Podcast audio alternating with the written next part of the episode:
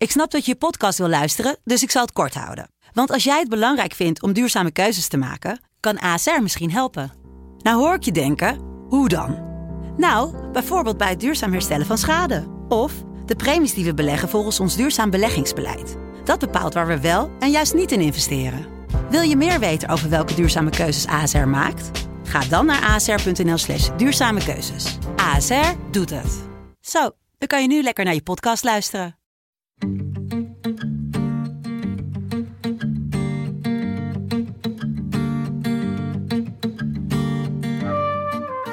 Kuzu eh, slaapt nogal luidruchtig. Als dat zo... Kuzu, kuzu, kuzu. Nou, ik vind, het, eh, ik vind het een beetje asociaal.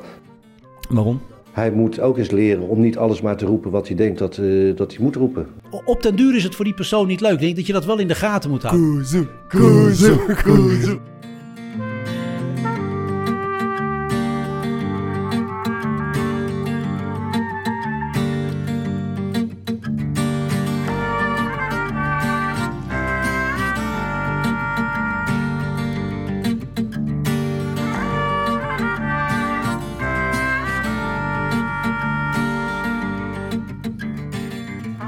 Politiek Den Haag lijkt niet over te lopen van het sporttalent. Zo flikkerde Jan-Peter Balkenende in 2006 nogal onbeholpen van een skateboard. En een video van een hopeloos dansende Mark Rutte verriet ook bij onze premier weinig motorische handigheid. Het leek ons dan ook niet mee te vallen om een aardige voetballer te vinden in Den Haag. Maar na een rondvraag wezen meerdere vingers naar Farid Azarkan. Wat zal het dan voor voetballer zijn, vroeg ik me af. In de kamer maakt hij altijd een beetje een driftige, opgewonden indruk. Het lijkt vaak een kwestie van tijd voordat Geert Wilders hem zodanig op de kast heeft gejaagd dat Farid hem in de geblondeerde haren valt. Maar ik begin het te zien. Het is niet de gepolijste Marokkaanse straatvoetballer zoals we die kennen, maar meer een mannetjesputter, stofzuiger, een pitbull. En links waarschijnlijk. Dat moet de Edgar Davids van het Binnenhof wel zijn. Zelf zegt Assakan overigens een beetje van dat imago af te willen. Hij zegt meer humor te willen brengen in de Kamer. Iets dat hij tot nu toe goed verborgen heeft weten te houden. maar er is geen beter podium om dat te etaleren dan in de Core Podcast. Dus hartelijk welkom, denkleider Farid Assakan. Ja, dank jullie wel en eh, dank dat ik vanavond mag, eh, mag aanschuiven. Mooie samenvatting. Eh, hoe is het met je? Want ik las in een interview dat, jij, ehm, eh, dat je het interview met, met Nieuwsuur eh, hebt afgezegd vorige week vanwege vermoeidheid. Wat, wat is daar aan de hand? Eh, klopt, ja. Wij hadden na de debatten die we hadden gedaan, nadat de Kamer dichtging, zijn wij eigenlijk meteen eh 24 uur eh, per dag aan de slag gegaan met de campagne. En ik had drie dagen daarvoor hadden wij met de camper, Toenan en ik, zijn we naar Groningen. Ik heb zelf gereden van Den Haag naar Groningen. We zijn naar Delfzijl, naar Veendam en toen weer terug de Lange Leegte. ik, ik snap nu waarom dat zo heet. en we zijn doorgereden richting Assen. Onderweg hebben we bij een BP-tankstation hebben we geslapen langs de kant. Oh ja.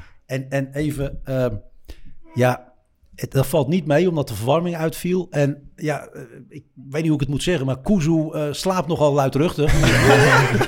en, en, dus ik, heb, ik denk dat ik twee uur geslapen heb. Ja. En toen moesten we nog twee dagen. ja. En, en toen gingen we maandag, dus dat was eh, zeg maar donderdag, vrijdag, zaterdag, zondag door. Maandag door. Ik heb hier nog borst staan hangen bij het Hofplein in Rotterdam. Oh, niet gezien. En, eh, en op een gegeven moment ging echt het licht uit. En ik merkte dat ik ziek begon te worden. Dus Ja. ik, had echt, ik heb even overlegd met een arts. Coronatest gedaan. eh, die heeft gezegd van, joh, je moet echt even rust houden. Even bijslapen, want dat Ja. was echt niet goed. Eh, ik heb dat gedaan, dus ik heb het programma een klein beetje kunnen inhalen. Maar, maar niet alles. En nou ja, vanaf zeg maar vandaag doe ik alles wat er op de, op de agenda staat. En ik ben blij dat ik hier bij jullie mag zijn. Wij, wij dachten heel even, Nieuwsuur heeft natuurlijk altijd een beetje een kritisch eh, interview gehad. Wij dachten heel even, het is vlak voor tijd in je hamstring geschoten, zodat je niet aan die spannende wedstrijd hoeft deel te nemen. Maar daar is, eh, daar is geen nee, sprake nee. van. Bart, doe jij eens een reconstructie gewoon van hoe dat vorige week nog ging? Ja, ik, ik had het gevoel dat het eigenlijk vanaf de eerste seconde al niet liep tussen ons. Dus eh, de heer Baudet kwam binnen. Hoef me ook niet helemaal af te fakkelen, maar Nee, er niet. boterde iets niet tussen ons. Nee, het begon met die handen. Ja, hij wilde onze hand geven en, eh, en wij eh, deden daar niet aan mee. Dus toen werd het al heel ongemakkelijk. Oh, geloven jullie in die eh, onzin? Nou, Met een half boxje en... Ja. eh, Toen gaandeweg het gesprek, ja, kreeg, stuitte hij toch op best veel weerstand. In eerste instantie van Maarten over het eh, corona-vraagstuk. En eh, ja, toen was de, de ban helemaal gebroken. Want toen, eh, ja, En toen ging hij los. toen werd er uh, ja, was echt een beetje de podcast die wij normaal een beetje maken. Toch een beetje vrolijk, ook een beetje luchtig, soms wat kritisch. Ja. Ja, daar bleef niet veel van, van over, want het was vooral ik had, strijd. Ik, ik, had zo met jou te doen, Bart. Want zeg maar, ik zie, jij zit met je laptop voor je. En ik ken dat, weet je, dat skeletje, dat draaiboekje wat we hebben. Maar het, het, het liep gewoon niet. En ehm, wij deden ons best. En hij op zijn manier waarschijnlijk ook. Maar dat hele gesprek kwam zeg maar niet van de grond. En je, en je weet op een gegeven moment, oké, er valt een beetje stilte. En Bart gaat weer terug naar een nieuw onderdeel van het draaiboek. Maar dat, Jerry, wil je, wil je nieuwe aankoop voor het ja, maar komende hij vindt het helemaal niks. En dat weet je zo. oh. Ja, Ja, dat is echt een ongemak. Ja, ik denk dat jullie echt een andere taal spreken. Even, Ja. los. Het is, het is Ja. ook een andere taal. Eh, en- ja, nou ja, kijk, in één ding moet ik het wel voor Thierry opnemen. In die zin dat ik, ehm, eh, ik... Ik vond jullie wel hard toen je zei van we vonden het een vervelend gesprek. Mhm. En in die zin vind, vind ik dat je vanuit jullie rol, maar goed, het, helemaal aan jullie had je kunnen zeggen, nou, het was pittig. Ja. Ja. Vervelend is, is wat, dis, wat disqualificerend. Ja. Ik, moet, ik moet ook heel eerlijk zeggen, ik had gewoon moeite om mijn, eh, mijn emotie onder controle te houden. Echt waar? Ja, ik werd echt, ik, werd- ik vond het zo'n, het, dat klikte zo niet. En ik, ehm, Oké, dus het raakte je echt. ja, ik was echt, ik, we maken ook geen geintje. Wat, wat wel voor hem pleit, vind ik dat hij wel eh, in de podcast ons daarmee confronteert. Dat Ja. vond ik Ja. eigenlijk wel mooi. Vond ik een, een spannend stuk uit de podcast. Hij, Ja, hij confronteert ons hier live aan tafel. Jongens, ik vind het gewoon een, eh, een oninteressant gesprek. Jullie vallen me aan en dan hebben we het daar even over gehad. Dat, eh, hij, is, hij is daarin wel heel eerlijk geweest. Dus Ja, is draaide- dat zo? Dus draaide er niet... Jij denkt van niet? Ja, ik had het idee dat dat een beetje een, eh, gewoon een debat... eh, Trucje was? Ja, ja. Nee, Nee, ik- ik, ik had, ik, heb het, ik heb het wel geluisterd. hè, Dus als je even mij als. Ik, ik hou Ja, van ja. om te analyseren. eh, Ja. Strategie, dat is ook echt eh, iets wat ik, wat ik heel fascinerend vind. Dus ik had wel het gevoel dat, die, dat jullie een aantal minuten echt, eh, zeg maar, even op jullie eigen helft moesten verdedigen. En ik hoorde Bart echt heel erg zijn best doen om toch in de verbinding te blijven. Mhm. Maar wel heel goed te argumenteren, zijn woorden te zoeken. En dat, dat deed je wel heel knap. Maar het kostte je zichtbaar heel veel energie. Ja, het droop er vanaf. Ja, Dus het, het was echt, het, het, het stroopte... eh, het, het, het, het, het stroopte sowieso. Ja, ja, het stroopte echt ook uit die, uit die pol, even gevoelsmatig. Je, je Zo- voelde Zo'n hem ook... zomers kunstgrasveld, dat is een beetje. Goh. Zijn potje in de voorbereiding. Ja. Maar tot slot... eh, We gaan door. Ja. het laatste genoeg. over, eh, over de Baudet. Misschien- Hij heeft wel één ding. Hij heeft een klein souvenirtje achtergelaten, Ja, ja. Thomas. ik voel me een beetje Theo Maassen nu, want... ja, die, die rallies die hij doet in die truck, weet je wel. Ja, ja, ja. De, de Die, complot, voor- die. Ja, ja, de dag, de, de dag dat hij, voor, dat, dat, hij voor, dat hij bij ons komt, stond hij daar iedere keer met zo'n Trump-petje, weet je wel. Ja. En de dag daarna had hij dat petje niet meer op. Heeft hij weer achtergelaten? Heb jij... je hebt hem gewoon. Daar is die. Pet van Baudet. We de pet van Baudet. dus we dachten van, nou, daar maken we een eh, rubriek van.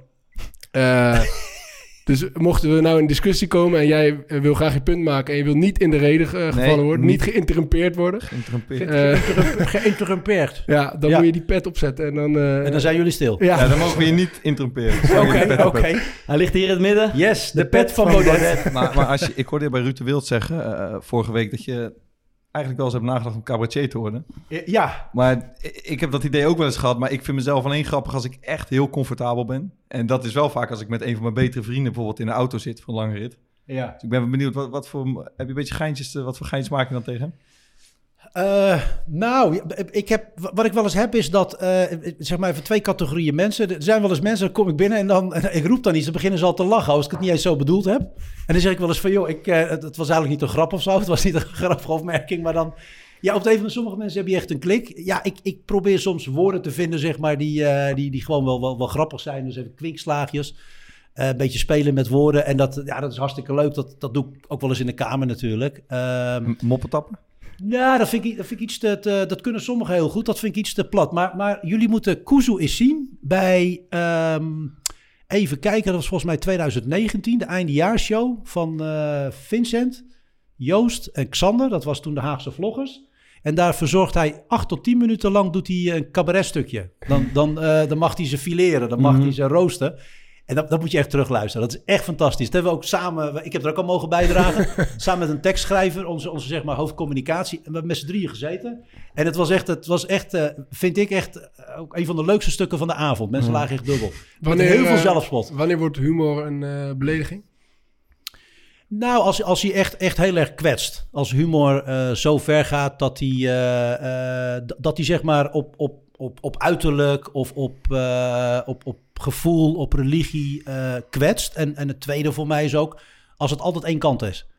Ja. Dus als het, als het altijd elke keer weer op diezelfde persoon met dat uiterlijk of eh, met die afkomst of met die religie, dan, dan wordt die. en wie bepaalt dat dan?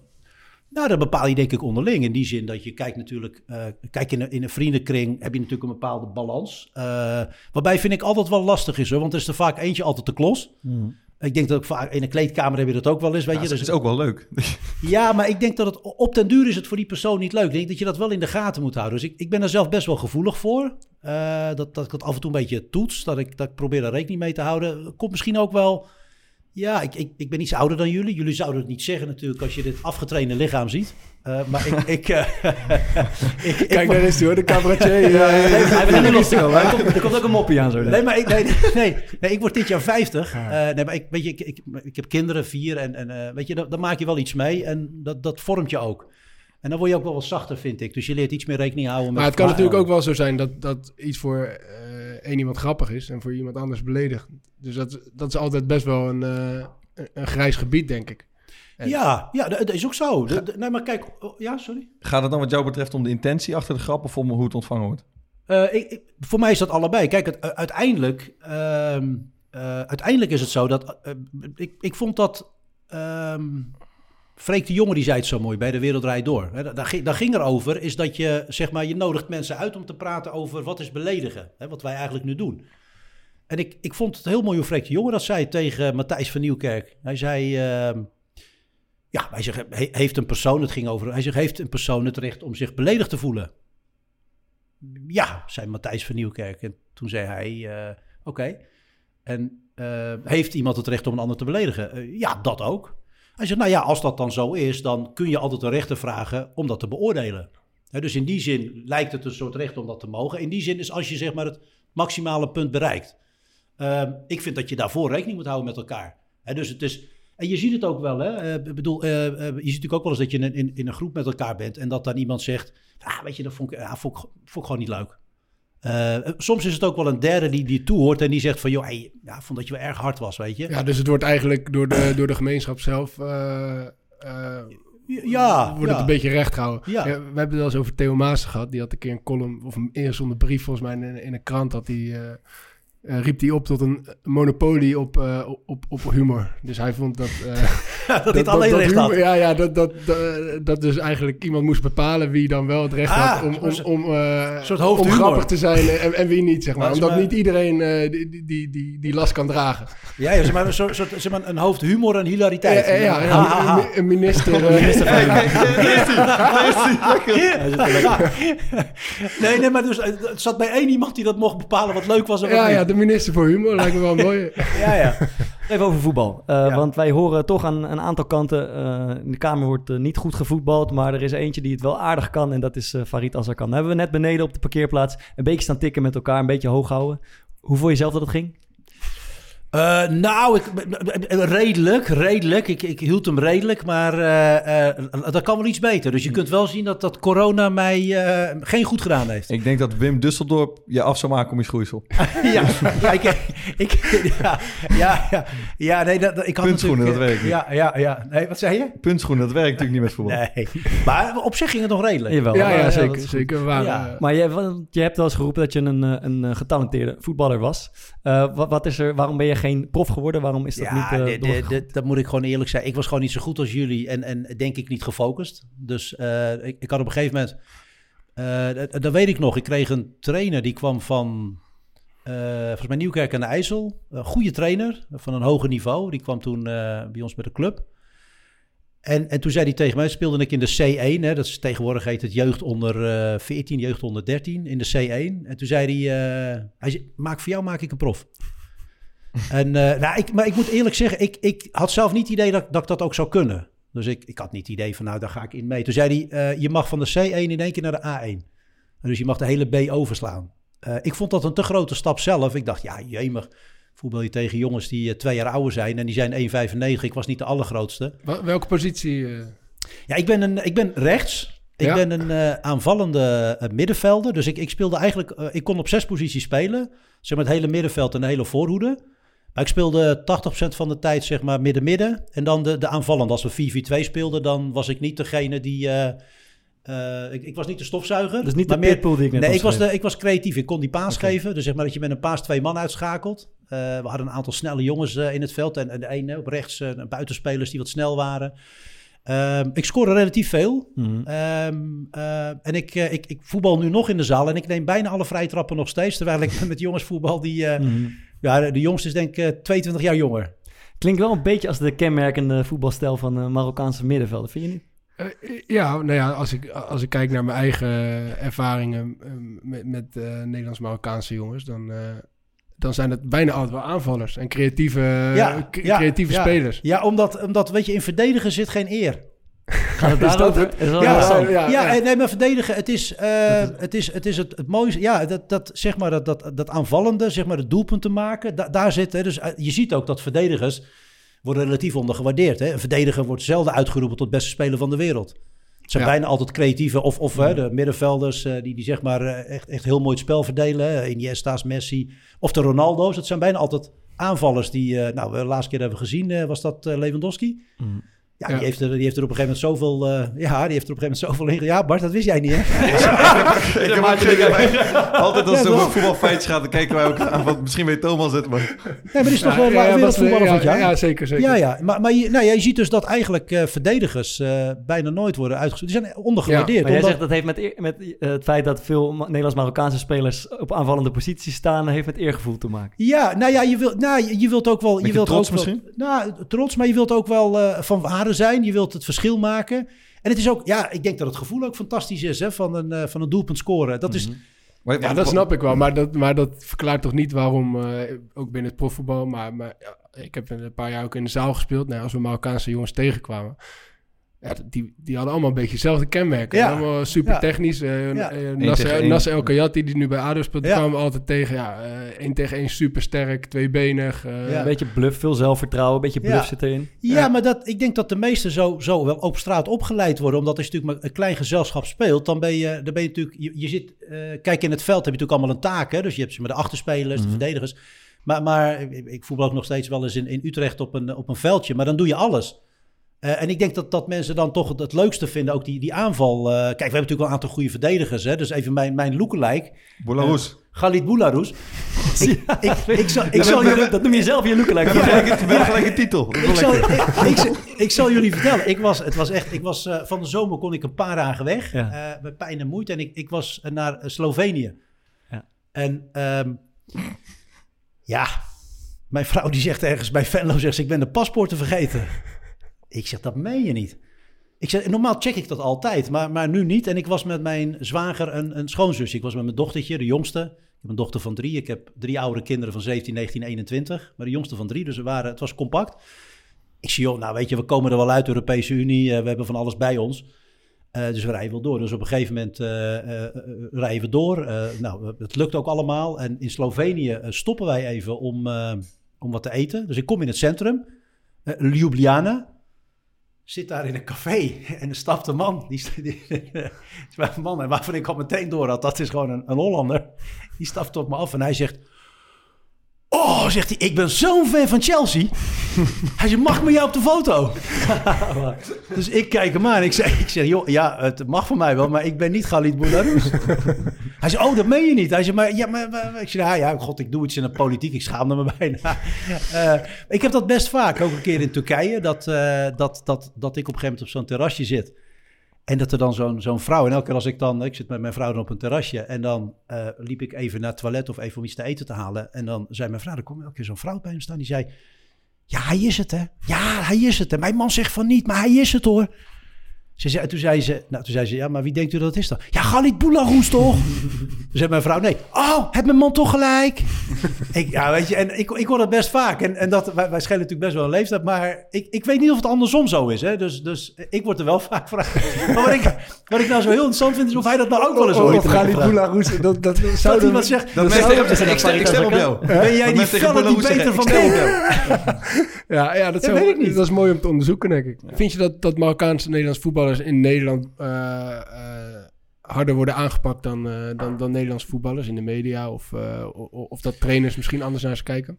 Nou, wa- wat ik wel gemerkt heb, is dat, ehm, dat Marokkaans-Nederlandse voetballers echt ontzettend talentvol. Dat is onevenredig veel. Hè. Zoals zeg maar Ethiopiërs en Kenianen iets hebben met hardlopen. Dat is echt Ja. ongekend. Dat hebben ze ook wel onderzocht hoor. Er, er- zit ook wel iets fysiologisch aan, iets fysieks.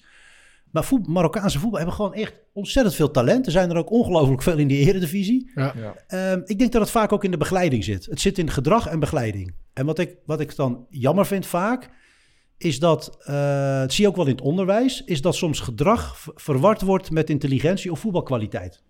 Maar het, is, het, het speelt natuurlijk wel een rol in die zin. ik, ik denk dat, dat gedrag best wel bepalend is voor hoe, hoe, hoe Ja, goed jij bent als, als, als voetballer. Zeker, maar wat ik bedoel is dat zeg maar, eh, coaching soms een belangrijke rol speelt. En dat gaat natuurlijk steeds beter. Maar ik denk dat er ongelooflijk veel getalenteerde voetballers zijn met een Marokkaanse komaf. Die, die gewoon op een gegeven moment op die eh 16, 17, 18-jarige leeftijd komen. En dan, dan gewoon ook niet goed hun weg vinden. Ja. En dan kunnen ze niet terugvallen op zeg maar, eh, eh, nou laat ik zeggen even een soort eh, net van, van ouders, van, van mensen die ze kunnen ondersteunen. Eh, dat gaat steeds beter hoor. Dat is Ja. zeg maar, kijk, mijn vader kwam nooit bij het voetbalveld. Ik, ik had van die oude mannetjes die altijd voor mij kwamen kijken. Vonden ze geweldig, die kenden me ook allemaal. Als we dan een wedstrijd speelden, kwamen ze soms ook, speelden we uit. Mijn vader had er nooit zoveel tijd voor, hè? negen kinderen, ook, maar ook geen idee hoe hij dat moest doen. Terwijl ik zie, zeg maar, eh, als het om andere kinderen gaat, dan zie je dat die ouders zich best actief bemoeien. Soms een bestuursrol spelen, soms assistent trainer worden. Ja, daar wordt wel wat voorgetrokken. Dat is echt wel mijn ervaring. Daar wordt echt wel, daar wordt niet altijd alleen naar voetbalkwaliteit gekeken, maar ja. eh, eh, Heb, heb je daar ook voor, iemand- een voorbeeld van? Of iets? Nee, nee, een, gewoon, een nee ik, heb dan, ik heb het dan over, over de eigen voetbalclub. Nee, maar dat, over- dat, over dat gebeurt bij iedere club. Ik denk dat dat niet per se te maken heeft met, met verschillende culturen. Ik denk dat sowieso... ah, Jij zit eh, aan het ik ook bij VOC, eh, dus jij doet, jij doet ik, dat ook. ik, ben, ik ben hoofdopleiding en, en je merkt dat daar heel veel oud zeer zit met, met, eh, met vaders die trainers waren. Ja. En, en, en, en, en, ja, oké, eh, op die manier. eh, beoordelingsformulieren die dan ingevuld zijn en die zijn dan in één keer verdwenen. En dan wordt eh, het zoontje van de trainer, die wordt dan wel in het eerste... Dus dat, dat, gebeurt, dat gebeurt overal, denk Dat ik wel. gebeurt overal. Maar, maar eh, eh, ik denk dat wij alle, alle drie wel een hoop... eh, en dat, dat we onderschrijven dat Marokkaanse Nederlandse jongens nou, vaak echt getalenteerd zijn. En, en, en bijzondere voetballers zijn. Maar soms heb ik ook wel het idee dat wel jongens zijn met een, met een gebruiksaanwijzing. Dat zeg je net, net ook. Maar hoe kan een coach nou het, het best zo'n jongen... Wat jij zegt, het zit hem in de coaching. Hoe, Ja. hoe kan een coach dan zo'n jongen eh, het best benaderen? Ja, een verbinding maken. Oprecht geïnteresseerd zijn. Hè, Dus niet zoals jullie vorige week Thierry Baudet ondervroegen. maar gewoon echt oprecht vragen. Joh, hoe gaat het met je? En, en wat vind jij belangrijk? En hoe kan ik je helpen? En Jullie hebben gezien dat bijvoorbeeld Willem van Hanegem... die had altijd een enorme klik met die jongens. Hè? Die, eh, dat, daar deden ze alles voor. Ehm, ja, het, het is je ook wel kunnen, kunnen inleven in een situatie... die anders is dan, dan, dan zoals jij hem ervaart. En soms werken andere je, dingen. nu, je hebt het nu over begeleiding, maar eigenlijk gaat het dus gewoon over eh, uit, wat voor, uit wat voor nest kom je. Ben- Ben je Ja, word je, word je ja, goed begeleid ja, door, door, door je ouders. En, en, en daar, daar schort het denk ik vaak ook aan. Ja, waarbij, waarbij soms ook iemand eh, eh, gewoon eh, niet, niet de inzichten heeft om in te zien hoe dat gedrag moet zijn. Ja. Ja, du- dus soms is dat lastig. Soms is dat echt lastig om op een gegeven moment in te zien dat, eh, eh, dat ander gedrag veel effectiever is. Eh, omdat je misschien nou die vertrouwensband niet hebt. Of omdat je... eh, dus dan is het niet per se cultureel, maar, maar misschien vooral sociaal. Dus, dus als, ja, als, het als is, een trainer ook dan, sociaal. als een trainer dan kiest voor iemand die op, op gedragsniveau wat beter heeft geleerd hoe die daarmee om moet gaan, dan hoeft dat nog niet per se op, basis van culturele afkomst te zijn. Nee, nee, dat, nee, dat hoeft niet. Kijk, je ziet, wat, je ziet op dit moment in de samenleving is dat er zeg maar, eh, als je kijkt naar mensen van sociaal-economische status, dat bepaalt veel meer wie je bent. Dus die, die overlap is veel meer dan dat je bepaalde afkomst hebt. En dat Ja. komt omdat we een enorme differentiatie zien in afkomsten. Inmiddels, we zijn natuurlijk, kijk, de, de eerste groep even, even terug naar, naar Marokkaanse, Turkse gastarbeiders. Die waren natuurlijk bijna allemaal gastarbeider in de fabriek. Ja. Eh, du- dus dat was vrij homogeen. Ja. Laag opgeleid, eh, eh, hard werken, veel eh, fysieke arbeid. Wat je tegenwoordig ziet, er zitten ondernemers bij die, die gewoon een miljoenenbedrijven hebben. Er zitten mensen bij die, inmiddels hebben we advocaten, artsen. Je ziet de mensen die gepromoveerd zijn. Eh, du- dus de verscheidenheid is heel hoog. Dus wat je, wat je eigenlijk nu ziet, is je kunt veel meer iemand verklaren vanuit sociaal-economische positie dan vanuit zijn afkomst. Ja. Of- ja, we hebben het daar ook een beetje met Adil over gehad toen. hè? Ja. Ja, maar, maar, maar ehm, het is misschien een hele persoonlijke vraag, maar heb jij het makkelijker gehad als jongen, denk je, in Nederland dan jouw kinderen het nu hebben? Ah, ja, jij, jij, ja, dan ga je er natuurlijk vanuit dat jij weet hoe mijn kinderen het ongeveer hebben. Nee, Ik- nee, maar nee. Eh, ik denk in zekere zin wel. Ja, ik denk dat ik het, dat zeg maar mijn bejegening, hè, ik, ik kom hier als achtjarige jongen. ehm, eh, ik, ik kwam in een situatie waarbij ik op zich wel wat vreemd was, wat, wat afwijkend, maar ik werd niet negatief bejegend. Dus, dus eh, ik bedoel, eh, ehm, ehm, mijn, mijn zoon kwam thuis en die zei: Ja, papa, een man die zegt minder, minder Marokkanen. En dat roepen ze ook op school. Ja, dat, dat werd, kijk, in mijn tijd was, leek Nederland fatsoenlijk. Dus dat hing een soort van een fatsoensdeken over Nederland. En dat zei je niet. Dus we waren echt fatsoenlijk met elkaar. Daar, stonden we ook onbekend in de wereld. Dus eh, Frankrijk was in die zin wat afwijkender, ook veel harder tegen migranten. Spanje, een aantal landen. Maar Nederland stond ook in het buitenland bekend als een land waar je, eh, ja, waar, waar je mee kon doen, waar je welkom was en waar je niet, niet makkelijk gediscrimineerd werd. En ik denk dat dat echt wel veranderd is met eh, 2001. Eh, aanslagen, Twin Towers en vervolgens de enorme obsessie. En, en voor mij was het kenmerkend. Hadden op een gegeven moment een aanslag in, in Londen. En eh, toen zag je, en in Engeland hadden ze daar, eh, ja, en Engeland heeft natuurlijk al, al heel lang, hè, India, eh, Pakistan, dus die gaan, je hebt daar ook eh, banken, rentevrij bankieren in India heel gewoon. Eh, De, de mensen hebben daar een hoofddoek, hè, de, de agent een hoofddoek of een sik, dus dat is daar allemaal heel gewoon. Dat is veel multicultureler dan hier. En toen spraken ze daar, zeg maar even in, hun, eh, bij de BBC spraken ze daar tien minuten over, gingen ze over tot de orde van de dag. En wij gingen echt gewoon een hele avond lang allemaal experts laten binnenkomen over die aanslag. En eh, dat, dat bleef maar doorgaan. En we bleven het maar terughalen. Eh, dus dus we, hebben, we hebben echt heel veel focus op. En een onderzoek laat ook zien dat als er dus een incident is met iemand met een, met een Marokkaans-Turkse afkomst, een moslim, is dat het aantal berichten een factor 20 meer is. En daar heeft een, een Bij jongen de Telegraaf, denk ik. Nee, nee, nee, gewoon in de breedte. Nee, niet alleen. Het was het maar alleen de thee. Hè. Grapper houdt zich altijd, de thee is de thee. Dus had hij toen ruzie met Halsema, toen met die, met die damdemonstratie. Toen hebt hij die dat, je weet hoe de thee is, zei hij. Oh. Nee, je hebt hier een, een jongen, die is hier ook gepromoveerd aan Erasmus. eh Ilias Hadiwi, socioloog. Eh, die heeft daar echt heel lang onderzoek naar gedaan. Ook naar, naar, met name naar, eh, dat noemt hij eh, eh, straatcultuur. Dus dus het, zit, het, gedrag zit niet, niet, niet in de afkomst van de persoon, maar met name in, in de straatcultuur. En daar, heeft hij, daar is hij ook op gepromoveerd. Hij heeft ook onderzoek gedaan naar berichtgeving. En dit is een van de zaken die er ook uitkwam. Is we, we zien het ook heel vaak, omdat het heel veel terugkomt. En- En, en daarmee lijkt het probleem dus ook een stuk groter. Mm. eh, zodanig dat volgens mij de Volkskrant in de jaren, nou in 2008 een keer een column begon met het lijkt wel of er 17 miljoen Marokkaanse Nederlanders zijn en 350.000 eh, niet-Marokkaanse Nederlanders. Dat begon echt de column zo'n beetje. We- Even één, eh, sorry. Jij bent in je campagne zeg je dat je het ongelooflijk vindt dat eh, Marokkaanse mensen van de derde generatie nog steeds op die achtergrond worden aangesproken. Maar hoe kijk je dan bijvoorbeeld tegen voetballers als Ziyech en eh Mazraoui, ik denk tweede generatie misschien, ja. die wel van die achtergrond gebruik maken door voor Marokko te kiezen en niet voor Nederland? Hoe kijk je daar tegenaan? Ja, nou, kijk, ik vind dat is voor mij een persoonlijke afweging dat, dat, dat iemand dat doet. Ik zie dat er ook een aantal voetballers, eh, nou, El Ghazi, eh, eh, een aantal voetballers, uh, Ihataren, eh, die kiezen voor, voor Nederland. Ik, ik zal eerlijk zijn, ik, ik volg het Nederlandse voetbal veel meer. Dus ik, ik volg het Marokkaanse elftal. Ja, ze doen het nu heel goed. Dus het is ook wel een genot om naar te kijken. Dan kun je het ook niet missen. Ehm, en, en ja, weet je, dat, dat is een individuele keuze. Ehm, dus ik, ik ja. Ik, Wat zou jij doen? Ja, ik, ik, ik, denk dat, ik denk dat ik zelf eerder voor Nederland zou kiezen. Ja, ja ik denk het wel. Ja, omdat ik, ik voel me onderdeel van die samenleving. Ik, ik ben hier eh, opgegroeid, ik heb hier gestudeerd. Eh, ik, ik, weet je, ik woon hier al 40 jaar. Dus, dus eh, ja, voor mij is het... Is het ja, dit, dit- dat... dat ik, ik heb veel met, met, met Marokko als land, eh, maar, maar verder dan dat gaat mijn band niet. Bart, Bart gaat de pet van Bardet opzetten. Ga je Ik gang, vind het Bart. mooi geweest. Ik vind het echt mooi. Het is tijd voor de pet van Baudet. Want we hebben nog eh, veel rubriekjes eh, door, te, door te spitten. We zijn iets te lang blijven hangen, denk ik, op Ja, het voetbalonderwerp. nou ja. Niet oninteressant trouwens, maar ik denk dat we even naar de transfermarkt eh, moeten. En ik weiger, ik wens niet eh geïnterrumpeerd te worden op dit moment. Want het heeft eh, bij je Denk nogal gerommeld eh, de afgelopen jaar. Politieke broedermoordaanslag als een van onze favoriete woorden de afgelopen jaar. Jij werd gerooieerd, kwam je terug in de partij, ruzies onderling, filmpjes onderling. Heeft dat de partij nou een beetje vooruit geholpen? Hoe, eh, hoe, hoe kijk je daarop terug?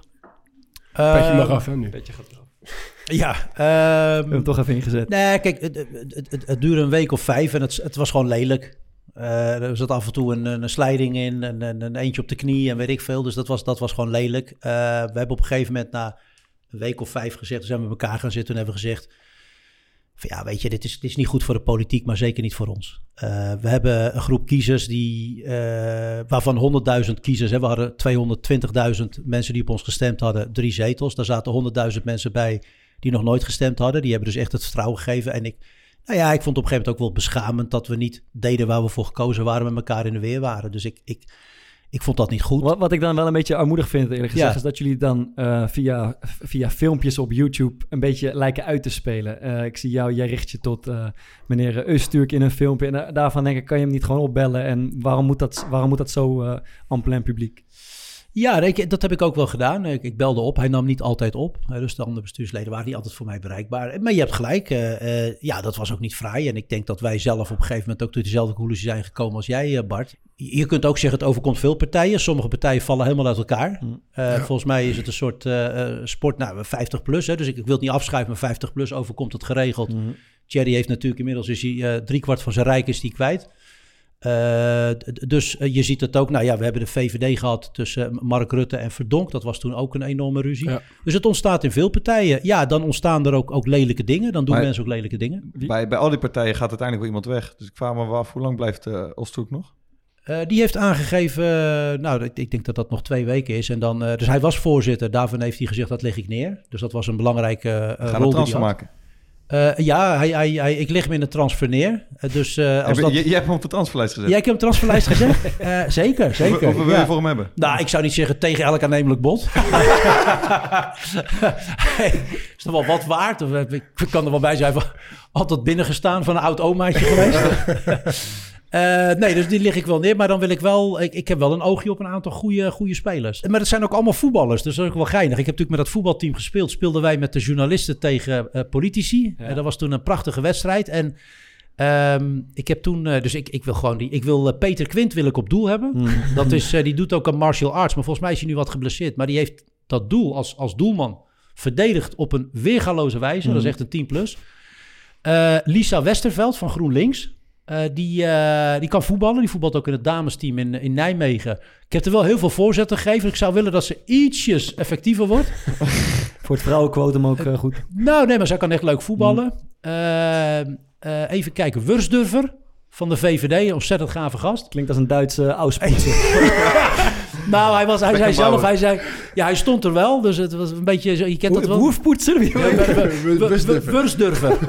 Ja, die bestaat helemaal niet, joh. ja, ja. Nee, maar, eh, nee, zoek maar op. Wursdurfer. Eh, jij, denkt, jij denkt, Ik denk, die, nemen- ik denk die kan die kan meteen Hij, wel- was, hij gaat nu nog een paar politie noemen die helemaal niet bestaan. Dan kijk, en dan kijken wat jullie reageren. De politie. Wat, wat heeft de politie nou mee te Eh, maken? nou, ja, ja, Kuzu, maar die zit al bij mij. Die kan ook leuk voetballen. En dan Dus wil wel- ik, hij is en dan best wil- lang, hè? Eh, Ja, hij is 1, eh, 1,85. Wij zagen hem toen we met Asje gingen opnemen. Dacht ik, wel een grote gast, joh. Ja, hij Ja, was maar- groot, ja. Ja, hij- jullie eh, partijkantoor zit eh, bij mij. eh, bij mijn ja, ja. zit bij mijn huis om de hoek. Dus Ja. eh, af en toe eh, Jij roept denk ik richting het, richting het station. eh, we, we, hebben een keer iets gezegd over, eh, over jullie rondom die politieke broedermoordaanslag. En precies in die week kwam ik hem tegen. Toen riep, jij roept ook wel eens van je dakterras dat zo koezoe, koezoe, koezoe. Ja, dat, dat, dat, dat zou echt dat in mijn geheugen gegrift blijven. Toen, nadat jullie, na, na die verkiezingen, dus na die overwinning, dat, dat, dat eh Selçuk Osturk eh, in die microfoon zo koezoe, koezoe. Ja, toch dat- even uitleggen. De, de, de speaker zei... ehm, we hadden nog eh 30 seconden te gaan. We stonden 5-4 achter. En ik weet dat ik de bal kreeg, linksachter. Ik mannetje voorbij, nog eentje. En Frits Wester komt uit. Ik leg hem in het hoekje. 5-5. Ik helemaal niks van. 5-5. En je kan het terug, terugzien in de vlog. Wester, van der. En voor- Dus 5-5, echt eh, 10 seconden te gaan is het 5-5. En vervolgens eh, eh, wil, wil volgens mij eh, Frits Wester in een actie daarna die bal uitrollen. En er zit er bij ons één, dat is, ja, die noemde ik Inspector Gadget. En, en Frits Wester gooide die bal tegen zijn been en rolde zo dat doel in. 6-5. Die gezopen. En 6-5 gewonnen. Oh, gaat hij zijn concurrent aanpakken. ja, ja, ja. En ik heb de beker in de kamer. Ik heb hem gekregen. Heel, heel Maar. Dus, maar, maar dus heb je ook iemand die op politiek vlak zou, eh, zou willen binnenslepen? Nou, nee, maar eh, eh, Peter Quint en, en Lisa Westerveld zijn politiek ook wel heel erg goed. Eh, ik vind, even kijken, ik vind Van Nispen van de SP vind ik heel goed. Dat gaat er met name Maar over... die kan je misschien wel regelen, want bij jullie kun je meer verdienen dan bij de SP. Ja, bij de, SP, moet je alles inleveren. Ja, ik, ik zeg altijd als, SP, als, als de SP hun zin krij- krijgen, als de SP hun zin krijgt, zeg ik dat goed? Ja. Als SP'ers hun zin krijgen, dan is gewoon heel Nederland arm. Be- Begrijp je? Dus er is, eh, allemaal hebben we dan heel weinig. En dat moeten, we, dat moeten we ook niet willen. Dus ik ben best wel voor iets meer verdelen van geld. Maar als we allemaal arm zijn, is dat ook een heel slecht teken. Baudetiaans bijna. Ik wil nog even terug op die eh, broedermoordaanslag. Want het gaat wel- Hij fascineert jullie. Ja, Ja, ik- wij- wij hier twee uitzendingen mee gevuld. Ja, ik laat jou met rust, eh, Farid, ik beloof het. Want Toon, wij hebben ook een keer zoiets meegemaakt Ja. in ons team. Nee. Ja, echt. Ja, Echt waar? In onze uh, core podcast eh, team, zeker. Ja, man. Hadden- wij hebben gewoon een zeg maar, zelfbenoemd presentator. we zouden zeg maar, met z'n drieën gelijkwaardig zijn. Toen hadden we iemand die had een interview ergens. En die zei, ik ben presentator. Toen zei hij nog, ja, ik, ik maak de Core Podcast. Ik maak de Core, ik Core Podcast samen Maar- met Thomas Vaar, voetba- eh, Thomas Ja. En nog een andere voetballer. Dat zei hij in een interview. toen, ging die, deed hij mee aan de slimste mens. Is eentje Oh, ook uit- nog? uitgenodigd omdat hij, zeg maar... Omdat hij zich opgeworpen had? Nee, presentator van de Was een podcast. podcast? Vervolgens nooit de podcast genoemd. Al die uitzendingen niet. Zo, Het is een jungle, Farid. Je moet, eh, het is eten of gegeten worden toen, in de toen is hij bij de vooravond gaan zitten. dat meen je niet. Ja, namens Zonder jullie? Namens Zonder ons, podcast. ja zeker. ja. Toen maakte hij een podcast met twee andere gasten. Nee. Dat zei hij. Oh, oh ja, er zijn, En- nog- ja, er zijn er twee die af en toe ook iets doen. Ja, zei en, nu zag ik van de week op Rijmond staan. De presentator van de Core Podcast. En hebben jullie filmpjes gemaakt over en weer? Of Eh, nee, nee, nog niet. Maar we jullie hebben wel... getwitterd? Hebben jullie hem... ik sta eh, 110% achter Thomas Vaar. Ja. we, hebben wel een klein, we hebben wel een klein steekje onder water. Want Bart is eh, als presentator van de Core Podcast na de wedstrijd tegen Willem II geïnterviewd. En eh, ja, de, Ik, ik, ik, ik moet ja. erbij, ze- ik moet er even eerst bij zeggen, Bart maakt zich... Kijk, Thomas en mij boeit het niet zo heel veel, maar Bart kan heel boos worden als mensen clichés doen, zeg maar, voor de Oh, camera. ja, ja. Ja, ja, ja.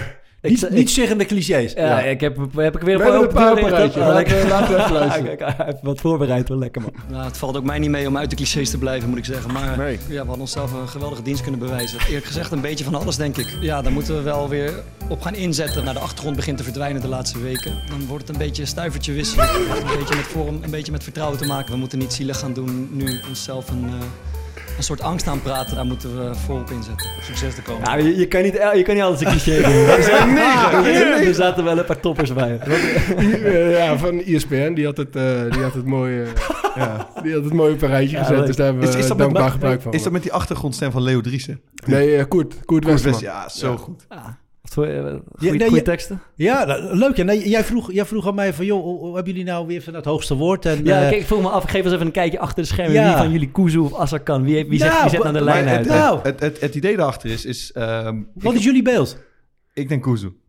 Ja?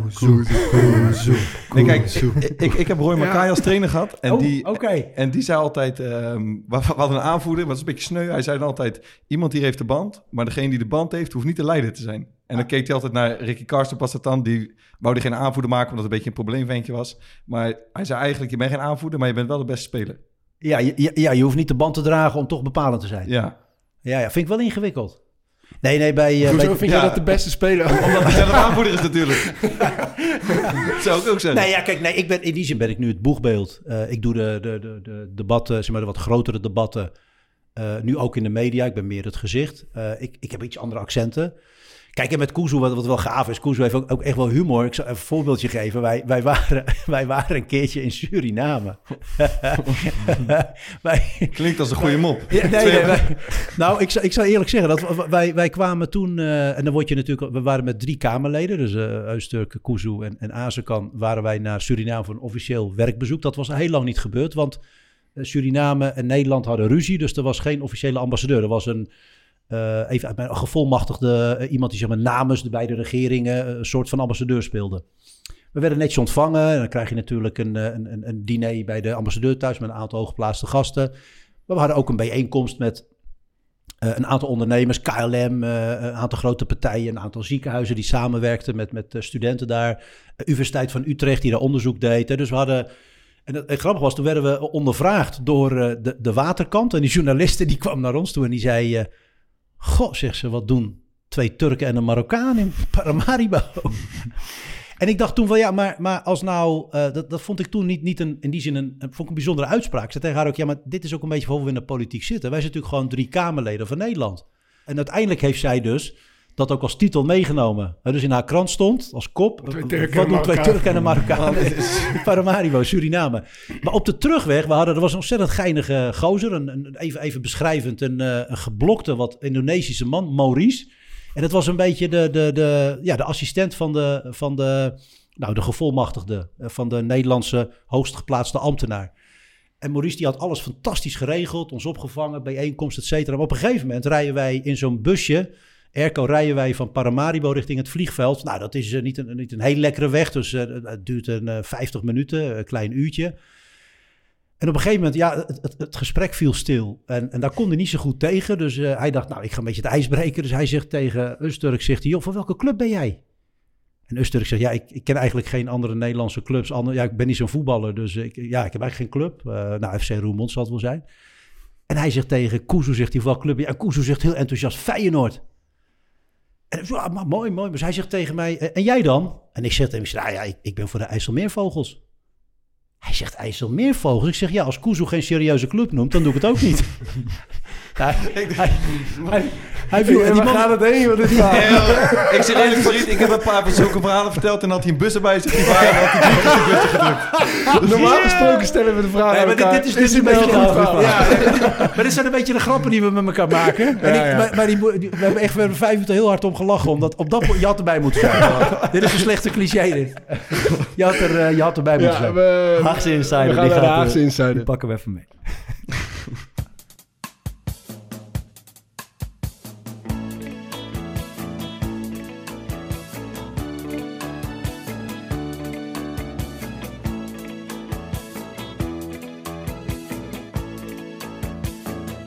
Zo, als Tommy Beugelsdijk niet kan, komen ze ineens bij mij uit. Nou, dan doe ik het wel. Hé hey, Verriet, wat hoor ik nou? Bezoek aan de hoeren wordt strafbaar? Tabak en alcohol pas op je 21ste? Als het jou had gelegen, dan had ik levenslang vastgezeten, man. Wat een saai partijtje heel dat denk. We moeten toch wel een klein beetje plezier maken in dit land? Je lijkt de twee-eigen tweede broer van Kees van der Staaij wel. Ik zal met niemand willen ruilen.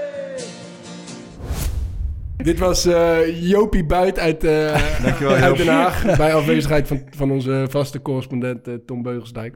Met een goed punt. Want eh, het begint een beetje een saai partijtje worden, dat denk ik, als ik het zo opsom. Ehm, nou ja, kijk, kijk alcohol en drugs zeg maar vanaf 21, dat lijkt me echt heel terecht. Ik, ik ga er even vanuit dat jullie alle drie niet heel veel alcohol of drugs gebruiken. Ja, Niet Tom-. Thomas alcohol, Bart drugs, maar ik ben wel. Nee, maar dat, dat, dat vind ik, eh, ja, dat, dat vind ik echt wel een probleem. En je ziet wat dat soms ook voor, eh, ja, voor uitwerking heeft op jongeren. Ik denk dat, dat het goed is dat het later is. Je ziet Er zijn ook nog ook dat- dingen die het leven mooi maken. eh, Als ik voor mezelf mag spreken. Als ik zou studeren en ik zou 16 zijn, 18 zijn, 20 zijn... dan wil je toch gewoon lekker met elkaar ook kunnen zuipen en op stap en roken en drugs gebruiken. Wat maakt het uit? Het maakt ook het leven, geeft ook het leven een beetje jeu, toch? Voor veel jonge studenten Ik, bijvoorbeeld. ik kom nog uit de tijd dat, dat, je, dat de grens eh, eh, op 16 lag. Is dat zo? Eh, Roken? Ja, ja, nee, ja, ja, rook, Drank? Ja, ja, drank Ja. was eh, 16. Ja, Ja, ja, we, we hebben het. Hè? Nee, maar in de, nou ja, Ja, kijk, wat denk je als je me maar- zo ziet? Van- Vanuit de gezondheidsperspectief snap ik het natuurlijk goed. Er is heel goed een case voor te maken. Maar er zijn er ook dingen die het leven een beetje jeu geven en, en de moeite waard maken. ik vind het echt wel eh, schrikbarend als je nou kijkt hè, hoeveel eh, mensen zijn met problematisch alcoholgedrag. Hè. Even, even aan jullie vragend. Ik heb dat lijstje wel eens gezien in het kader van eh, debatten die wij voeren. Hoeveel mensen hebben die zijn echt problematisch alcoholgedrag? Nou, even in, in Nederland. Percentage. Nee, ja, hoe, nee, een absolute aantal. Of, eh, Ik zou het niet weten. Ik. Ik denk dat- moet- moeten we gokken? Of, eh, nee, nee, nee, maar dat, eh, even Ja. uit mijn hoofd zeg ik het. 800.000 mensen. maar, Dus ik, ik vind het ook wat als je op een gegeven moment op je, op je eh, 18e, eh, eh, 19e zeg maar zo in die flow zit van die drank. Dat vervolgens, ja, vervolgens je eh, zo afhankelijk ervan bent eh, dat je uitvalt. En ik snap ook wel dat er heel veel jonge- jongeren zijn die of je hebt maar... juist op een, op een moment in je leven dat, dat, dat, dat de structuur en, eh, eh, en je gedrag Ja. niet, niet zoveel invloed heeft op, eh, op, je, op je dagelijks in functioneren. Want als je student bent, dan ben je, ik heb het zelf meegemaakt, dan, dan ben je wat vrijer dan als je aan het werk bent. heb je wat minder verantwoordelijkheden. Eh, als je kinderen hebt bijvoorbeeld. De, dus dan kan je juist op, op dat moment nog die fouten maken. Ja, kijk, er valt iets voor te zeggen vanuit, vanuit de kant dat je zegt, er zijn best veel jongeren die daar goed mee omgaan. Ja. Maar dat geldt voor veel jongeren niet. Heb jij het eh, verhaal van Lale Gül gevolgd? Eh, heel klein beetje. Het, Ja, ik ja. kort, je hebt het volgens mij ook gezien. Het is een, eh, een Turkse schrijfster die een Ja. boek heeft geschreven. Het heet Ik ga leven. En zij vertelt daarover haar- eigenlijk hoe zij wil ontsnappen uit, dat, uit het islamitische gezin waar ze vandaan komt. Want ze mag, eh, ze mag niet uitgaan, ze mag geen sieraden dragen, geen selfies maken. Niet op vakantie zonder dat er een mannelijk familielid bij is. En ze komt daarmee, ze schrijft daar een boek over en ze komt daarmee op televisie. En wat zij daarna meemaakt is eh, verkettering van, vanuit de familie, maar vanuit eigenlijk de hele gemeenschap. Vreselijke berichten, haatberichten, ehm, eh, bedreigingen, et cetera. Eh, en ze is eigenlijk verstoten. Haar moeder zegt geloof ik letterlijk, ik, ik, ik wil je wurgen. Mhm. Ehm, hoe, hoe kijk je naar, naar dit dilemma? Zie je, dat, zie je dit dilemma ook en hoe, hoe, hoe- Ja, hoe kijk, luister je ik, daarnaar? nee, ik kijk echt wel vanuit het perspectief van, van, het, van het kind in die zin. is natuurlijk gewoon verschrikkelijk. Mhm. Ehm, en, en zeker als je op het punt komt dat eh, je ouders je, je eh, nooit meer willen zien. Ik, ik las bij haar op een gegeven moment, ik zei een- een klein beetje, ik op een gegeven moment bij haar dat ze nog wel wat contact met de ouders heeft. Ik denk dat dat, dat, dat, dat heel belangrijk is. En ehm het betekent voor haar dat ze niet zichzelf kan zijn. En, en eh, eh, dat is natuurlijk heel erg lastig, omdat je ouders bepaalde overtuigingen hebben. Ehm, dat doen vanuit soms ehm, aannames die ze hebben of dingen die ze zelf geleerd hebben. Eh, en op die manier ernaar kijken. Dus ik, ik vind dat voor haar verschrikkelijk. En hoe, hoe, eh, hoe, hoe progressief ga je zelf met je kinderen om? Zou je, want je hebt, je hebt een dochter en, en, en zoons, klopt dat? Ja, ik heb twee zoons en een dochter. En zijn die bijvoorbeeld... eh, Je had, je had vier kinderen, toch? Sorry. Ja, maar eentje is drie. Ik heb een dochtertje van drie, Ja, dus die, eh, ja, ja. die, die is nog veel thuis. en maar dit soort, dit Die gaat, soort, die gaat niet uit. Die telt niet mee. maar dit soort situaties zoals uitgaan en, en, en op vakantie gaan met vrienden... ehm, het al dan niet nemen van tatoeages. Zijn dat dingen waar jij zelf moeite mee hebt als het, als het eh, bij je kinderen voor gaat komen? Eh, nou, weet je, ik, ik vind het op zich. eh, eh, eh, heb ik ervoor gekozen om eh, mezelf daarin niet centraal te stellen. Dus ik hou ontzettend veel van mijn kinderen. Mhm. Eh, en dat betekent dat eh, ik soms ook moet accepteren dat mijn kinderen dingen doen die ik zelf niet zo leuk vind. Maar ik blijf van ze houden, wat ze ook doen. Eh, en ik zal ze in die zin zal ik ze nooit. zal ik ze ook nooit loslaten. Soms denk ik wel eens, laat nou eens een beetje los. Want mijn, dochter zei dat wel eens. Ze zei ze, pap, ja, pap wil misschien een tatoeage. En dan zei ik, nou ja, weet je, ja, god, joh, liever niet voor je achttiende, want dan mag je er zelf over beslissen. Dus ja, ik, ik, ik heb zelf geen tatoeages, ik heb weinig sieraden ook. Mhm. En toen ze 18 werd, toen dacht ze van, nou, misschien ga ik dat toch eens, eh, misschien wil ik dat wel. Daar heeft ze toen over nagedacht. Heeft ze niet gedaan, uiteindelijk, omdat ze eh, voor zichzelf had van, nou, weet je, ik ja, vind het toch niet prettig. Ik ken wel de situatie waarbij op een gegeven moment ouders zeggen van, ja, ik accepteer dat gedrag van mijn kind niet. Ehm, en dat betekent dat ik, het, eh, dat ik het niet meer wil zien. Ik vind dat, dat vind ik echt, echt, echt verschrikkelijk. In die zin gun ik iemand gewoon een, een, een, eh, een, fijne band met de ouders. Want, want, want dat idee heb ik wel eens als ik het bij eh Marokkaans-Nederlandse jongens met wie ik zelf bijvoorbeeld heb, dat het best wel een dingetje is voor vrouwen daar om bijvoorbeeld met iemand uit een andere cultuur, om het zo te zeggen, thuis te komen. Dat dat best wel een ding is. Ja, dat, dat is ook nog wel lastig. Dat, dat zie je overigens als je dat vergelijkt, zeg maar, ook met, met 10, 20 jaar geleden, zie je, daar, zie je dat dat ook heel erg verandert. Eh, maar, ja, sorry, maar heel veel, heel veel eh, vrouwen willen dat zelf niet, omdat ze die culturele waarden belangrijk vinden. Maar soms ook is het omdat ze eh, willen voldoen aan het beeld van de ouders. Ja, dat, dat klopt. Ja. Zou, zou jij het geen, pro- geen één probleem vinden als een van je kinderen zou zeggen, ik stap van het geloof af? Eh, dat is hun, hun eigen keuze. Dus ik heb ervoor gekozen om dat, om dat inderdaad te accepteren. Eh, ik zou dat jammer vinden, maar eh, ik, goed, nogmaals, mijn liefde voor mijn kinderen is zo sterk, daar Mm. komt echt niks tussen. Ja, vind ik mooi. Ja, ook. ja, uiteindelijk wil ik denk happy zijn. Eh, heel even te debatteren. Eh, Oh, jee. eh, wedstrijdbespreking, de, de wedstrijd, het debat van de politicus. Ehm, ik heb het idee dat je daar wel plezier in hebt, klopt dat? Eh, vaak wel. Hm. Ja, ja, vaak wel. Afgelopen weekend was het eh, RTL-debat.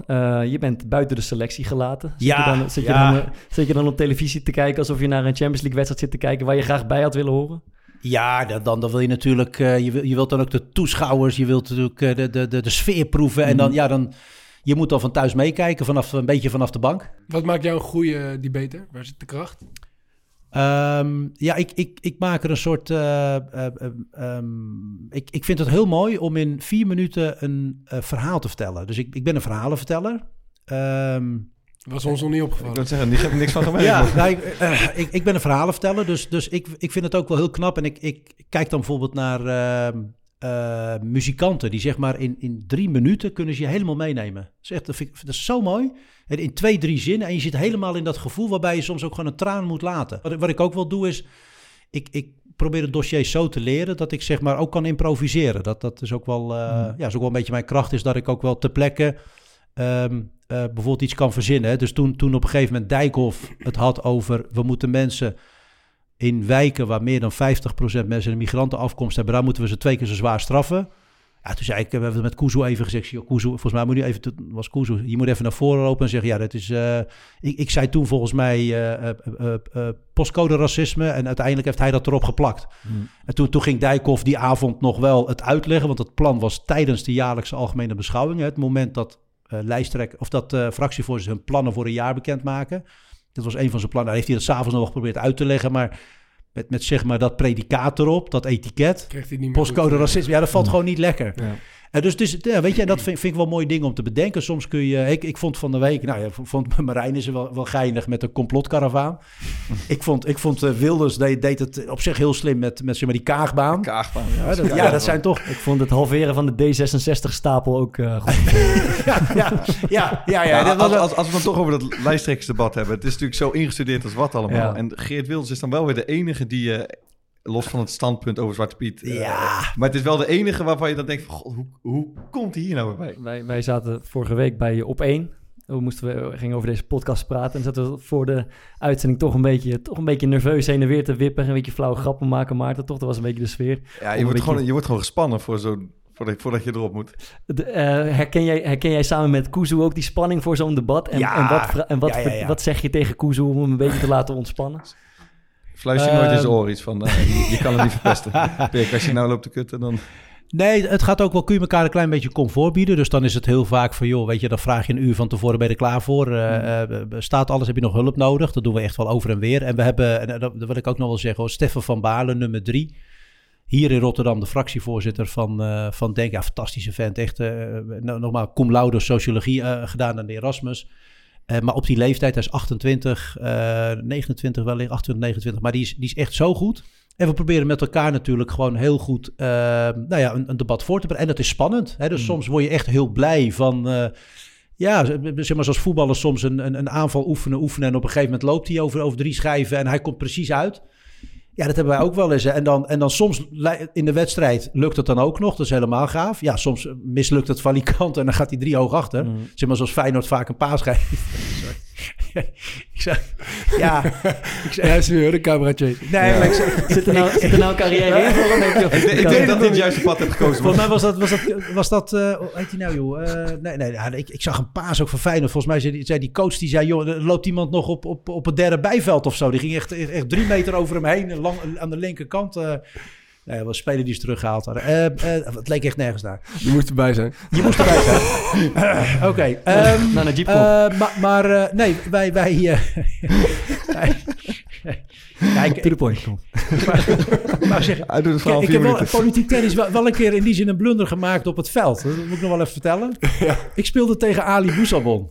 Ja. Eh, we hadden het, het toernooi voor eh, ALS, voor eh, Fernando Rixen, toen hij nog leefde. We, we praten over 2018 en we hadden een toernooi met paar jongens van uh, Oud-Utrecht. Ja, iedereen had een team ingeschreven. Ik had ook een team. Een paar goede voetballers en wij eh, een paar oud-eredivisie-spelers. Ehm, en volgens mij, en, en maar, maar Ali Boussabon had ook een team. Had zich ook ingeschreven. En in de halve finale speelden we tegen elkaar. En we waren, we speelden, eh, even uit mijn hoofd, iets van 16 minuten. En we waren echt 99% in de aanval. Maar zij hadden die, die, die derde doelman van Ajax nu. Kjell heet hij. Heel scherpe. En die hadden ze op doel staan. Schelkjerpen. Er kwam, echt, er kwam geen bal door. Hij pakte echt alles. Dus wij waren continu in aanval. En op een gegeven moment was er 30 seconden voor tijd een eh, corner voor hun. En die vent die ligt hem terug. En Ali schiet hem zo loopzuiver vanaf, eh, vanaf bijna eigen helft. Schiet hem bij ons en we verliezen 1-0. Dus ik dacht... En echt die hele wedstrijd ook meegevoetbald. Dus ik... en Ali en ik liepen op elkaar af. En ik zeg... eh, en hij zegt, joh... Hij zegt, eh, je doet het goed. Ik zeg, ja, maar ik zit er bij voetbal veel gevoetbald. En hij zegt, eh, nee, nee, ik bedoel de politiek. Iemand nog een eh, tackle in huis? Ja, ik heb wel iets, man. Ik, ehm, Ja, deze heb je voorbereid. ja, deze heb ik voorbereid. Maar dit is ik, iets wat ik ik... zag het aan, aan, aan de reactie. Ja, maar dit is iets wat ik... Me... Dat is, daar, daar komt hij al, hè? Dan, dan probeert hij hiermee probeert hij Ja, een beetje... ja, ontregelen, ontregelen. Ja, Ja, dit, ja. dit is een beetje... Geert Wilders ziet dan op de achtergrond de hele tijd... Prachtig symbool. Ja. Prachtig symbool. Ja. Dat is jij Ja, net niet hard genoeg om vervelend te Prachtig zijn. symbool. Prachtig. Ja, ja. Nee, wat ik, me, wat ik me oprecht heel erg afvraag... Ik hoorde je van de week ook bij NOS op 3 zeggen... dat je, jullie willen graag een, een bredere volkspartij zijn. Dus je bent toch Ja. een beetje begonnen als... Ja, het- ik vind het geen mooi woord, maar mag ik zeggen een moslimpartij? Eh, nou, ik kan me voorstellen dat je zo zegt. Eh, ehm, ik, ik, kan me, ik denk dat je meer Ja. bedoelt een migrantenpartij. Ja, migranten. Je, je, je hebt volgens Ja. mij ook wel eens gezegd... maar veel mensen met een, met een mosliminspiratie Ja, in onze partij, zeker. Volgens mij heb je wel gezegd... Een, Maar niet eh, in ons, in ons verkiezingsprogramma echt wel helder opgeschreven hoe we dat zien.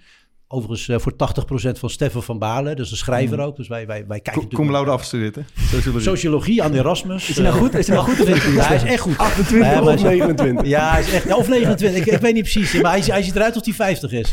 Baardje. Nee, maar Zoals Seedorf, zeg maar, eh, toen hij begon met voetballen, ook, ook heel wijs toen hij 18 was.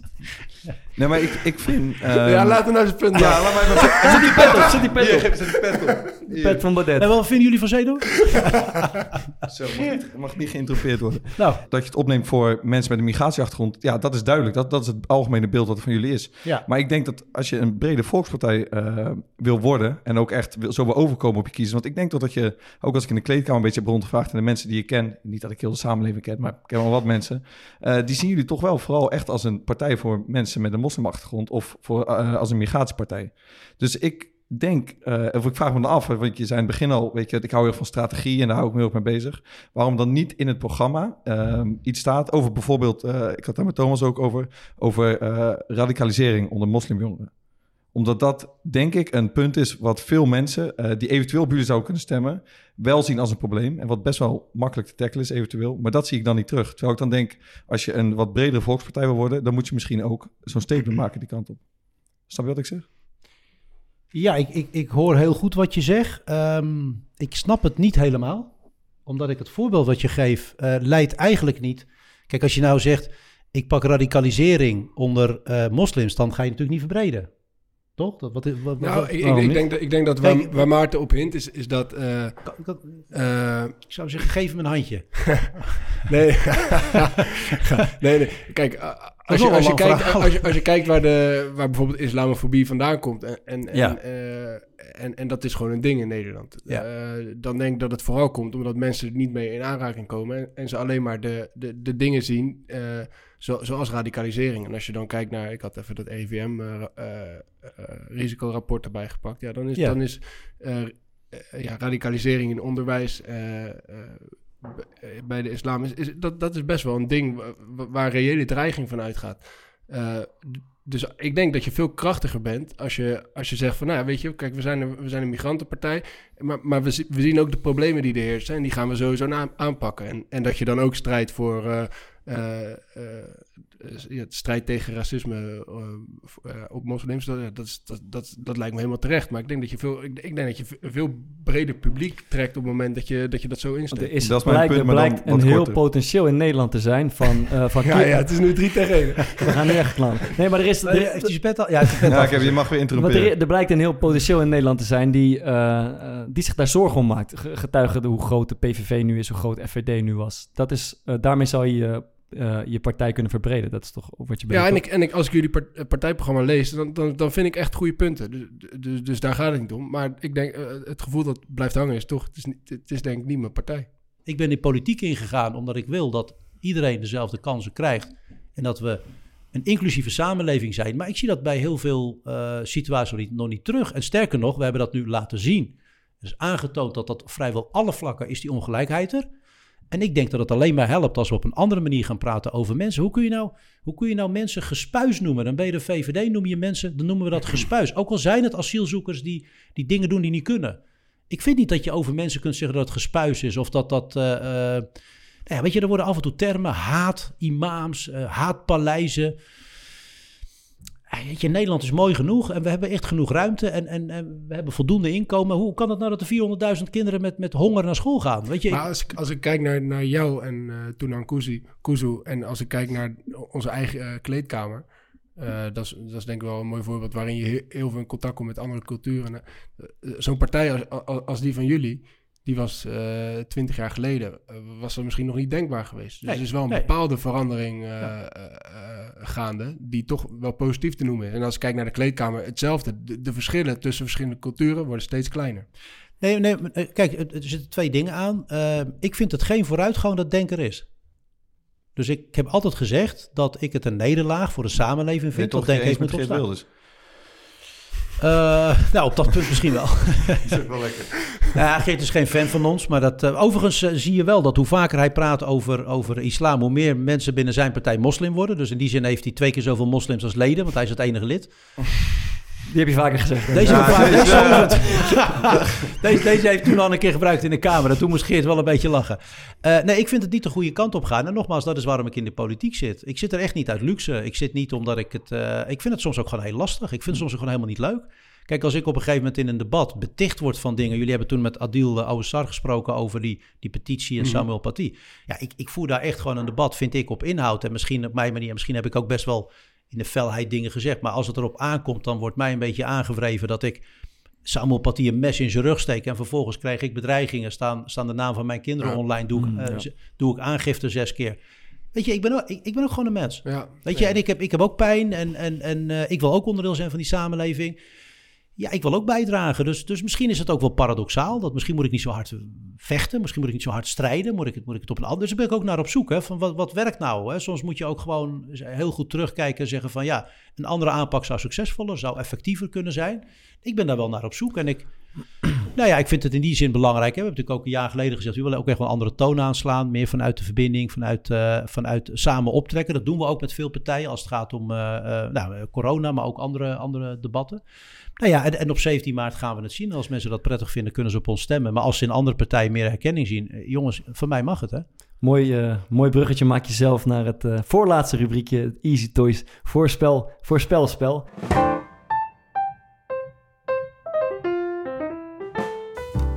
Het voorspel. Voorspelspel. Waarin je zelf mag voorspellen hoeveel zetels je denkt te gaan halen met Denk. En de spelregels, eh, ik ga het elke week weer uitleggen.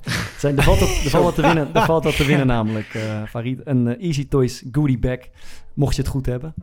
Je mag hem zelf houden, maar als je het liever weggeeft, mag dat ook. Maar dan willen we wel even weten Geef aan. Kuzu. Ik, denk dat die, ik denk dat de heren bij een van jullie zal belanden. Maarten heeft alles al, dus die... eh, Ja. dus- Ik ga, dus, eh, ik ga, ja, oh, ja, Ja, oh, jullie, zijn, oh, jullie, hebben natuurlijk, jullie hebben natuurlijk het principe, uh, uh, als jullie dat natuurlijk organiseren, is uh, one to show, one to go. Dus eentje, Nee, ook- ja, eentje voor jezelf. Ik heb nog niks gehad. eh, maar Ah. Maarten die had... af- Maarten voor- die- is- Ja, het is, groot is, fan. kwa- is kwaliteit. ja, ik niet. Li- Lisa is groot fan. Ehm, ik denk zes zetels. Zes zetels. Oké. 450.000 stemmen. Ja. Goed. En mocht het lukken, is, dat, eh, is die goodie bag voor jou of ga je hem weggeven? Ik denk dat ik hem ga weggeven. En willen jullie dan wie? ons één ding beloven als het lukt? Dat er op Ik denk dat een weer... Nee, nee. Kuzu, kuzu, kuzu. Dat dat weer wordt geroepen. Ik zal vragen aan Selçuk of hij dat eh, eh, op de dag van de verkiezingen wil Ja, dat zou ik echt Maar- schitterend vinden. Na, naar wie gaat de prijs? Eh, die, die, eh, als, als ik hem win, die zes? Ja, ik, ik denk... eh, eh, nou, weet ik echt niet. Nee, ik, ik Fleur heb geen... Eh, ik, in het kader van verbinding. Ja, dat zou misschien wel kunnen. Fleur. Ja, Ja, Fleur en, en Leon zijn volgens Leon de Jong zijn volgens mij een stelletje. Oh. Kunnen wel iets gebruiken, denk ik. Misschien lopen ze een keer gezamenlijk tegen het lijf. Kan je... ja, maar, nou, maar ik wil, ik wil... Kijk, volgens mij heeft Marijnis heeft hem zeker niet gewonnen. Nee, nee, maar die zou hem zelf houden. Ja. Thierry nou ja, maar dan geef ik hem aan, aan, eh, aan Lilian. Juist, kijk. Ah, leuk. We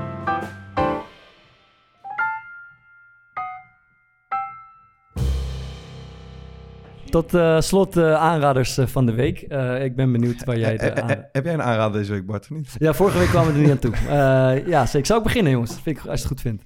Wij, eh, wij, hebben nog, wij hebben elke maand een muzieklijstje en die moet wel weer ververst gaan worden deze week. Maar ik wil op de valreep nog even eentje uitlichten die ik erin heb gezet. Dat is S10, een zangeres slash rapper. Ik hoorde haar bij uh, Pauw aan tafel een paar maanden geleden. En ik vond het heel origineel en bijzonder. Ik heb niet zo heel veel op met, eh, met vrouwenstemmen in muziek, maar zij wist me wel te raken op zich.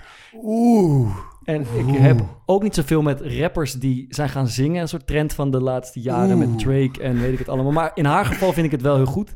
Eh, S10 heet ze en het album is Vlinders, maar ik vond het eh, de moeite waard. Leuk. Fokker. Ja, ik heb weer eens een boekje gelezen. Het is een tijd geleden dat ik een boek heb aangeraden. Maar ik heb voor mijn verjaardag eh, een aantal weken geleden van mijn, eh, van mijn moeder twee eh, klassiekers gekregen. En ik heb de eerste, ja, het is eigenlijk best wel schande dat ik hem nog niet gelezen had. Maar dat was eh, De Aanslag van Harry Mulisch. Ehm, heb je gelezen toch? Ja, die heb ik gelezen toevallig. Kijk, ja. dat is leuk. Eh, die heb ik gelezen en ik vond, het, eh, ik vond het echt een goed boek. En het geeft volgens mij heel goed, eh, ja, weer hoe bijvoorbeeld de Tweede Wereldoorlog in bepaalde mensenlevens heel lang heeft uh, doorgesudderd nog, zonder dat je dat uh, aan de buitenkant er altijd aan kon afzien. Dus uh, ja, die kan ik wel aanraden. Thomas. Nou ja, laten we eerst naar uh, meneer Azekan gaan. Uh, ik heb als tip heb ik een uh, boek. Uh, en dat boek dat heet uh, My Uncle Napoleon. Uh, mijn oom Napoleon. En dat is, uh, is een heel fascinerend boek. Ehm, door wie het geschreven is, niet helemaal duidelijk. Maar het is een boek dat gaat over... Ik denk het neef van Napoleon. dat is wel de persoon van waaruit het verteld wordt. Ah, is sneller. Dus dat heb je, hij is wel... eh, hey. Waar sta je op het veld? Ja, ik zit op de bank. Tweede keeper. Ja, je, hebt, je, je, je, je hebt lang, langer de tijd om na te denken. je zit de hele dag dingen te verzinnen op die bank. Wat Ja, een dat, luxe. is, dat is wel echt de waarheid. Ja. Eh, ik vraag straks wie de volgende podcast, wie, dat is, wie, wie, de, volgende persoon is. Daar ben ik heel benieuwd naar. Mijn boek heet eh, eh, Mijn Uncle Napoleon. Dat heb ik gekregen van iemand. Ehm, en dat is eigenlijk een boek eh, dat beschrijft ehm, een traditionele Iraanse familie. En met name een hechte gemeenschap, waarbij twee families bij elkaar wonen. En er zit één man, dat is dan, die noemt zich, dat is dan de oom van de jongen die vertelt. En die Napoleon, mijn onkel Napoleon, die, die heeft hele grote verhalen over de oorlog. En, en die komt dat altijd vertellen als die kinderen bij elkaar zijn. Dan komt hij allemaal grote verhalen vertellen. En dat laat eigenlijk zien hoe die, hoe die familiebanden, familiestructuren. Dus eh, er staat ook bij, als je als diplomaten willen weten hoe zeg maar in Iraanse families het werkt. Dan zou je dat boek moeten lezen in plaats van allerlei workshops. Het is een prachtig boek. Het is wel vrij dik. Het is in het Engels. Maar jullie zijn ook best wel intelligent, toch? Maarten, Maarten, Maar, die, maar, Maarten is de hoogst opgeleid. Ja, die heeft genoeg tijd om te lezen. Op de bank. Thomas lekker. Ja, ik, zit, ik zit ernaast. hoor. Ja. Eh, eh, Mag je lezen trouwens op de bank? Boeken even... Nee, nee, je moet echt wel het spel volgen. Ja. Ja, dat lijkt Ik heb nog nooit... ik heb nog nooit op de bank gezeten. Ik- nee, ik zat, ik, nee, ik was altijd wel van waarde voor het team. ja, Ja. ja. Ik wist het alleen uit luxe. Ja, ik niet. Nee, ik heb, ik heb nog wel één tipje, dat is een muziektipje. Eh, deze week heeft eh, de Belgische band uh, Balthazar een nieuw eh, album uitgebracht. Sand heet het. En eh, daar staan een paar nummers op die ik, eh, die ik geweldig vind. Dus eh, daar wilde ik eh, mee afsluiten. Jij wil nog weten wie de volgende gast is? Ja, wie is jullie volgende gast? Wie denk je? Eh, nou, eerlijk gezegd... Het is eh, geen lijsttrekker. Het is geen lijsttrekker. Wel, wel een politicus? Ja. Ja, bijna nog, nog heel eventjes. Nog heel even. Politicus. Eh, dan... eh, nee, Lodewijk Asscher hebben jullie al... Ja, en hij, is al, hij, is ook al, hij is ook genoemd, deze podcast. Je had hem eh, even klem gezet met, eh, met je snelle... Dijkhoff. Ja, Is- Klaas. Ja, ja, ja. Ah, Klaas is wel leuk. Klaas heeft wel een hele, hele mooie, droge Brabantse stijl. En dat, eh, daar heeft hij best wel liefhebbers voor. Dus Ja, dat, oogt, oogt een beetje nonchalant zo, maar het is, eh, het is, een, eh, het is een intelligente politicus. Ehm, een liedje om mee af te sluiten en dan zijn we helemaal rond. En hij komt eh, van jou. Ja, het nummer is van eh, Bob Marley. Redemption Song. Prachtig. Sweet. Mooi. Goed. Farid, hartstikke bedankt Dank jullie wel. voor je tijd. Ik vond het erg eh, leuk. Ja, ik Wij ook. Ja. Ja, Succes. de tijd is heel gevlogen. dat Hoe, hoe lang zitten we? Eh, ik Ja. moet nog, jongens, ik moet morgen weer heel vroeg. Oh, oh, oh. Het slaat helemaal nergens op. We gaan eruit met Bob Marley en eh, tot volgende week. All pirates, yes, they rob I. Sold I to the merchant ships. Minutes after they took I from the bottomless pit. But my hand was made strong by the hand of the Almighty. We forward in this generation triumphantly. Won't you help to sing these songs of freedom? Cause all I ever have, redemption songs, redemption songs. Wat vond je van de wedstrijd? Ja, het was een pittig duel. Eh, jongens hadden de messen vooraf eh, goed geslepen. Ze hadden goed gekeken naar mijn tactiek. Ja, de, counters waren vlijmscherp. Eh, ja, er kon, kon weinig gaten schieten in hun verdediging. Ja, maar wat ons zo opviel, je bent stijf rechts. Dat verwacht je niet van Denk. ja, eh, eh, maar het is wel, we komen daarmee wel heel goed uit de verf met die rechterpoot. Ja? Dus, dus ja, daar- daarmee kunnen we wel op kniehoogte afschaven af en toe. Eh, dus dat, dat lukt vrij goed.